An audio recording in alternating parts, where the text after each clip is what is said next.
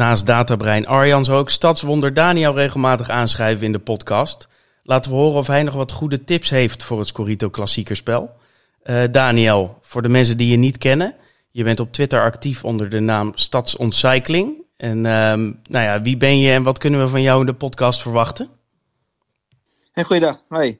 Ja, leuk om uh, met jullie mee te mogen kletsen over, over het wielerseizoen. En dan nu specifiek over het klassieke spel. Ik ben Daniel Herbers, ik ben 33 jaar, woon in Maastricht samen met mijn vrouw en drie kinderen. Ehm, heb inderdaad een Twitter-account naar aanleiding van een database over wieleruitslagen die ik bijhoud. En dat is een beetje uit de hand gelopen.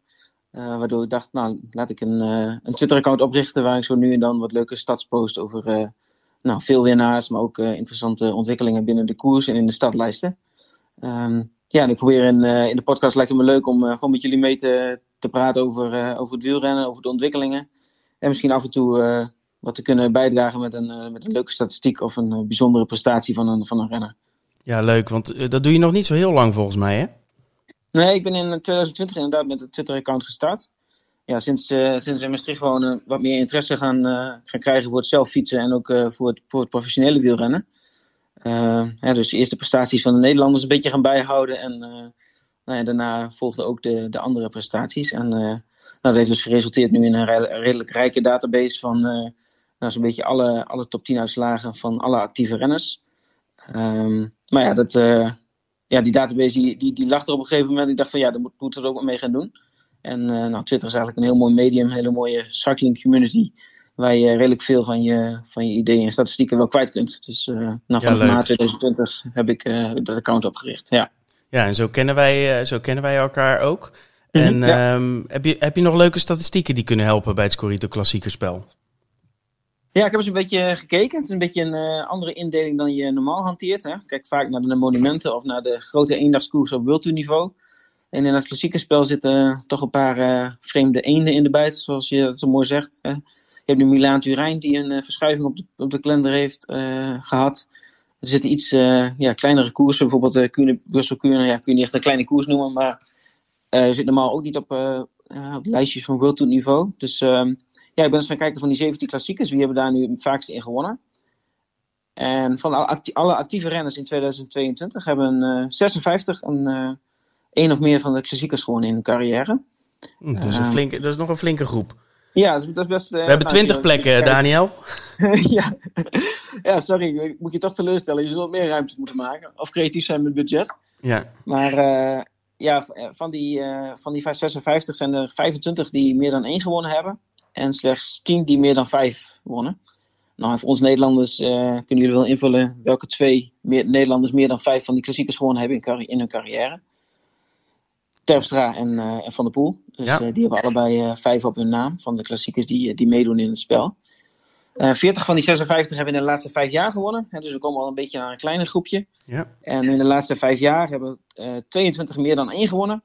En slechts 9 renners 3 of meer. Kijk, nou komen we ergens. Ja.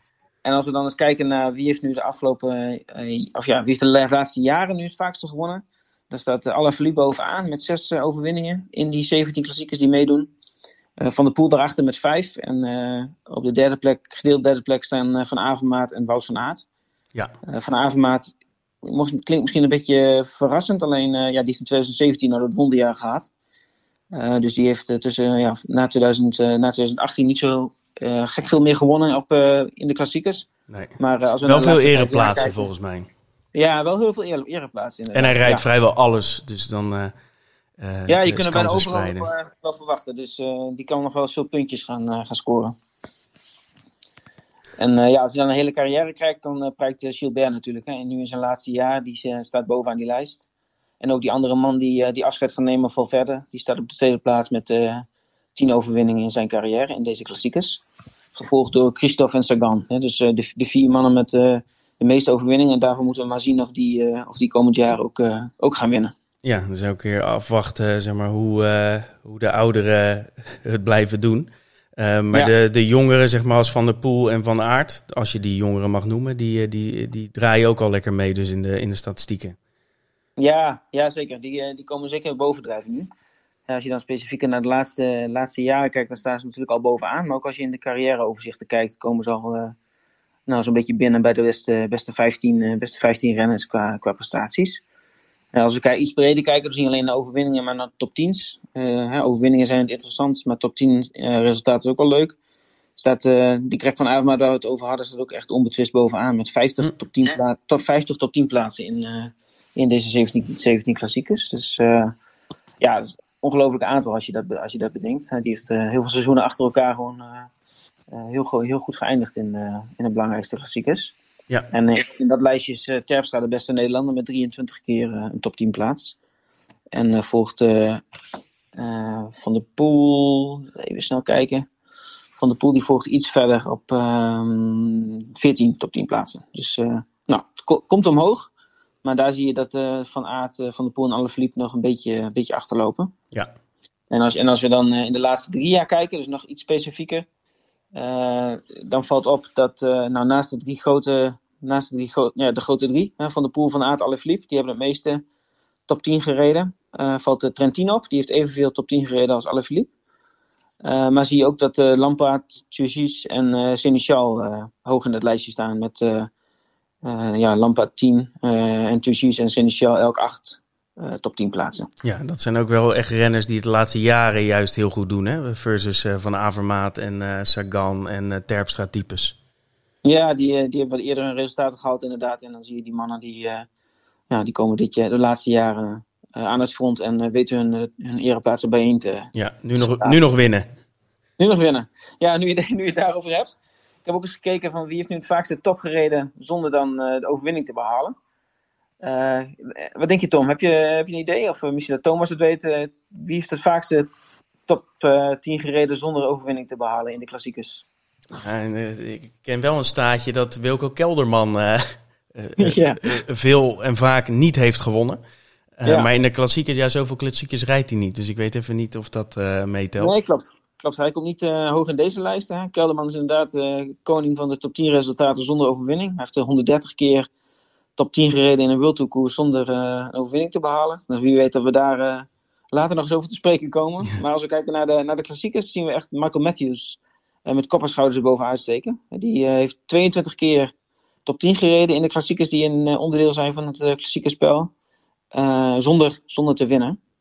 Eh, en hij wordt gevolgd eh, met 19 top 10 plaatsen door Trentin. En daarachter komt Hausler. Die heeft 18 keer top 10 gereden zonder een van deze klassiekers te winnen. Oei, ja, dit zijn twijfelachtige staatjes om bovenaan te staan. Maar op zich, het gaat ook om punten pakken. Hè? Niet alleen om de eerste plek. Dus wellicht zijn ze te overwegen. Zo, zo, zullen onze, zo zullen de mensen die meedoen aan het computerspel misschien wel denken. Alleen ik denk als dat je Matthews vraagt dat hij toch liever een keer een overwinning heeft. In plaats van die 22, uh, 22 top 10's. Maar goed, wie weet dat, uh, dat hij dit jaar mag jagen. Dat is ook weer zo. Ja. Ja, en als, als we nog iets breder kijken, Bauke Mollema, die natuurlijk bekender voor, van het najaar. de klassiekers zoals Milan Remo, San Sebastian, die niet meedoen in dit spel. Die heeft hij beide gewonnen. Alleen uh, hij heeft dus in de klassiekers van het voorjaar 12 keer top 10 gereden, maar nog nooit op het podium gestaan. Dus uh, Bouke, die, uh, nou, dat we die dit jaar ook nog eens in, in Amstel of in Luik. ja, rijdt niet heel veel koersen volgens mij weer in het voorjaar. volgens mij target voor, voor Bouke in het, in het voorjaar, zeg maar, nou ja, als je het voorjaar mag noemen, is de Giro. Hè? Want daar wil hij natuurlijk een, een mhm. etappe winnen om zijn trilogie te, te voltooien. Ja, dat zou mooi zijn. Ja. Dus um, nou is volgens mij ook niet heel duur in het spel. Maar uh, uh, nou ja, misschien inderdaad rond de, de Waalse klassiekers dat hij dat nog een keertje eh, wat kan betekenen. Ja, ja. Dus, maar goed, je denkt, je denkt niet zo snel aan Bauke Mollema in het voorjaar. Maar toch, als je deze 17 klassiekers op een rij zet, is hij toch al 12 keer top 10 gereden. En ja, in de, laatste vijf jaar um, zie je dat bijvoorbeeld een Nasen en een Trentin 15 keer top 10 hebben gereden zonder te winnen. Ze staan er nog boven Matthews als je alleen de laatste vijf jaar kijkt. Hm. En, uh, en een Degenkop naast een, uh, een Sepp van Marken. Die hebben in de laatste vijf jaar uh, het vaakste podium gereden zonder te winnen. Dus die zijn best, best vaak tweede en derde geworden. in de laatste vijf jaar, maar wisten in die laatste vijf jaar niet meer te winnen. allebei vier keer top 3 gereden zonder overwinning. En Daniel, wat zijn je, wat zijn je drie must-haves, uh, don't-haves en, uh, en wanna-haves? Die hebben we jou gevraagd en daar heb je, daar heb je naar gekeken. Ja, ja, ik was de eerste van jullie die, die het invulde, dus nou, ik had een vrij keuze, zeg maar. Ik kon er bij je afkijken.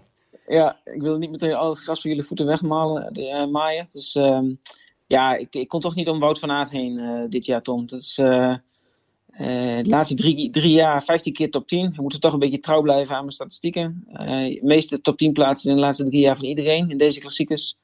Dus uh, ja, dat is echt een, een must-have uh, wat mij betreft. Ja, duurste man van het eh, spel, maar ik denk dat hij in veel ploegen zal staan. Ja, die, is, die gaat, zijn, gaat zijn geld wel waard zijn. En als je dan vergelijkt met Pitcock, ja, Pitcock rijdt iets meer koersen. Alleen ja, ook afwachten hoe lang die vorm blijft natuurlijk. En als je kijkt naar uh, alle Philippe, die rijdt helemaal niet zoveel. Dus um, ja, ik zou mijn geld zetten op, op Bout van Aert. Heel goed. En de andere twee must-haves volgens jou? Ja, ik heb uh, onze landgenoot uh, Fabio Jacobs heb ik erbij gezet. Leuk. Uh, en dan met name kijken naar dit seizoen. Hè, de renner die tot nu toe al de meeste overwinningen heeft. Vier overwinningen in, in het voorseizoen. Hij rijdt redelijk veel sprinty classics, zeg maar. Hè, klassiekers waar het sprinten belangrijk is. Dus um, ja, en ik denk dat het, ik weet niet, ja, ik denk dat het wel redelijk invloed gaat hebben, die, die sprintkoersen. Dus um, ik zou Jacobsen zeker meenemen. En als tweede daarnaast is misschien een beetje een vergelijkbaar type. Alleen als ik hem dit voorjaar bergop zie rijden, dan denk ik van, oh, die kon nog wel eens meer gaan doen dan alleen maar de, de sprintklassiekers goed doen. Dat is uh, Mats Pedersen. Ja. Uh, wereldkampioen, uh, vorig jaar Kuurne gewonnen. Ja, ik, ik verwacht er wel eens van dit jaar. Misschien dat hij wat breder kan, kan rijden, want hij, komt, hij komt niet in mijn statistieken naar boven als iemand die vaak top 10 rijdt. Maar goed, toch al twee van die klassiekers op zijn naam geschreven. Ja, in vorm kan hij eh, van alles. Hè? Uh, in slecht weer, kan massasprints winnen. Kan, uh, kan inderdaad windkoers als Kuurne winnen. Hij kan eigenlijk vrijwel alles. Alleen de vraag is altijd een beetje hoeveel rijdt hij en is hij in vorm. Maar mhm. een mooie tip. Hey, ja. wie moet je nou echt niet meenemen? Ja, nou ja, ik zei het net ook al. Hè? iemand die niet zoveel rijdt dit jaar, terwijl je die anders bijna zonder twijfel erin zou zetten, is, is Alaphilippe. Ik wil toch ook een van de grotere namen uh, noemen. Mathieu van der Poel is, ligt misschien een beetje voor de hand, omdat hij uh, ja, nog, uh, nog onduidelijk is wanneer hij gaat beginnen. Maar ik zou verliep denk ik in mijn eigen poeltje ook niet meenemen. Hij rijdt niet zo heel veel. En ja, de kans is aardig aanwezig dat wat hij rijdt, dat hij ook goed doet. Maar, ja, een klassieker nou, van vier grote... volgens mij. Hè? Maar inderdaad, hij rijdt eigenlijk minder dan, dan normaal. Dus Precies. Ik, ik, ik, snap je, ik snap je keuze. Ja is ook een, eh, een echte besparingstip. Hè? Want voor die 4 miljoen kun je misschien een aantal mannen kiezen die. Uh, of ja, kost die 4 miljoen of is die nog duurder? Ja, uh, ik. 4,5 misschien. Nou ja, in ieder geval kun, daar kun je misschien wat voor kiezen die, die, die, ja, die uiteindelijk wat meer punten gaan scoren. Ja. En de tweede, tweede man die, die is ook al regelmatig langsgekomen in, in ons gesprekje, Greg van Avermaat. Het is eigenlijk een beetje verlogenen, een beetje tegen al mijn stads in. Maar ik zou Greg toch thuis laten dit jaar. Je ziet toch in zijn ontwikkeling dat het een beetje beetje minder wordt van alles elk jaar. Uh, 2017, 18 waren echt nog goed, maar de laatste drie jaar rijdt hij wel regelmatig nog top 10. Maar ja, nou ja, we moeten het hebben van die ene uitschieten. Uh, ik geloof het niet voor dit jaar. Ik denk het niet. Lastig. Dus, uh, ja, het blijft lastig met Van Avermaat, hè? want je hebt het idee dat het toch nog wel erin zit. En hij rijdt uh, letterlijk alles. Ja, dus er zijn ook genoeg, genoeg redenen om hem wel te nemen. Maar inderdaad, er zit, een, er zit een risico aan. En de derde, don't have volgens jou? Ja, dat is een klein risico, maar dat is uh, Trentin. Ik, uh, ik twijfel of hij het nog heeft voor, uh, voor dit jaar. hij zit er altijd bij, de afgelopen jaren tenminste. Hij noemde, ik, noemde, ik noemde net ook al, hè, een van de renners met de meeste top 10 zonder winst. de laatste jaren, samen met Oliver Nase. Um, nou, maar nou, ik voel het niet zo voor, voor Matteo dit jaar. Dus ik zou hem thuis laten. Ja, vorig jaar volgens mij wel heel veel punten uh, gescoord. Veel, veel uh, uh, top 10 plekken. Maar winnen is altijd lastig voor onze Matteo. Ja. Ja, mogen luisteraars mij de schuld geven als ze hem thuis hebben gelaten en ze zijn laag. Ja, dat, dat krijg je nu, hè. Dat is het risico van zo'n podcast. Ja. hey, en de one-halves, dat zijn eigenlijk een beetje de, nou ja, de, de mannen die je stiekem mhm. wel wil, maar die je, ja, die je wel of niet kan betalen. Uh, maar waar je, waar je eigenlijk wel je hart naar uitgaat. Dus ik ben benieuwd.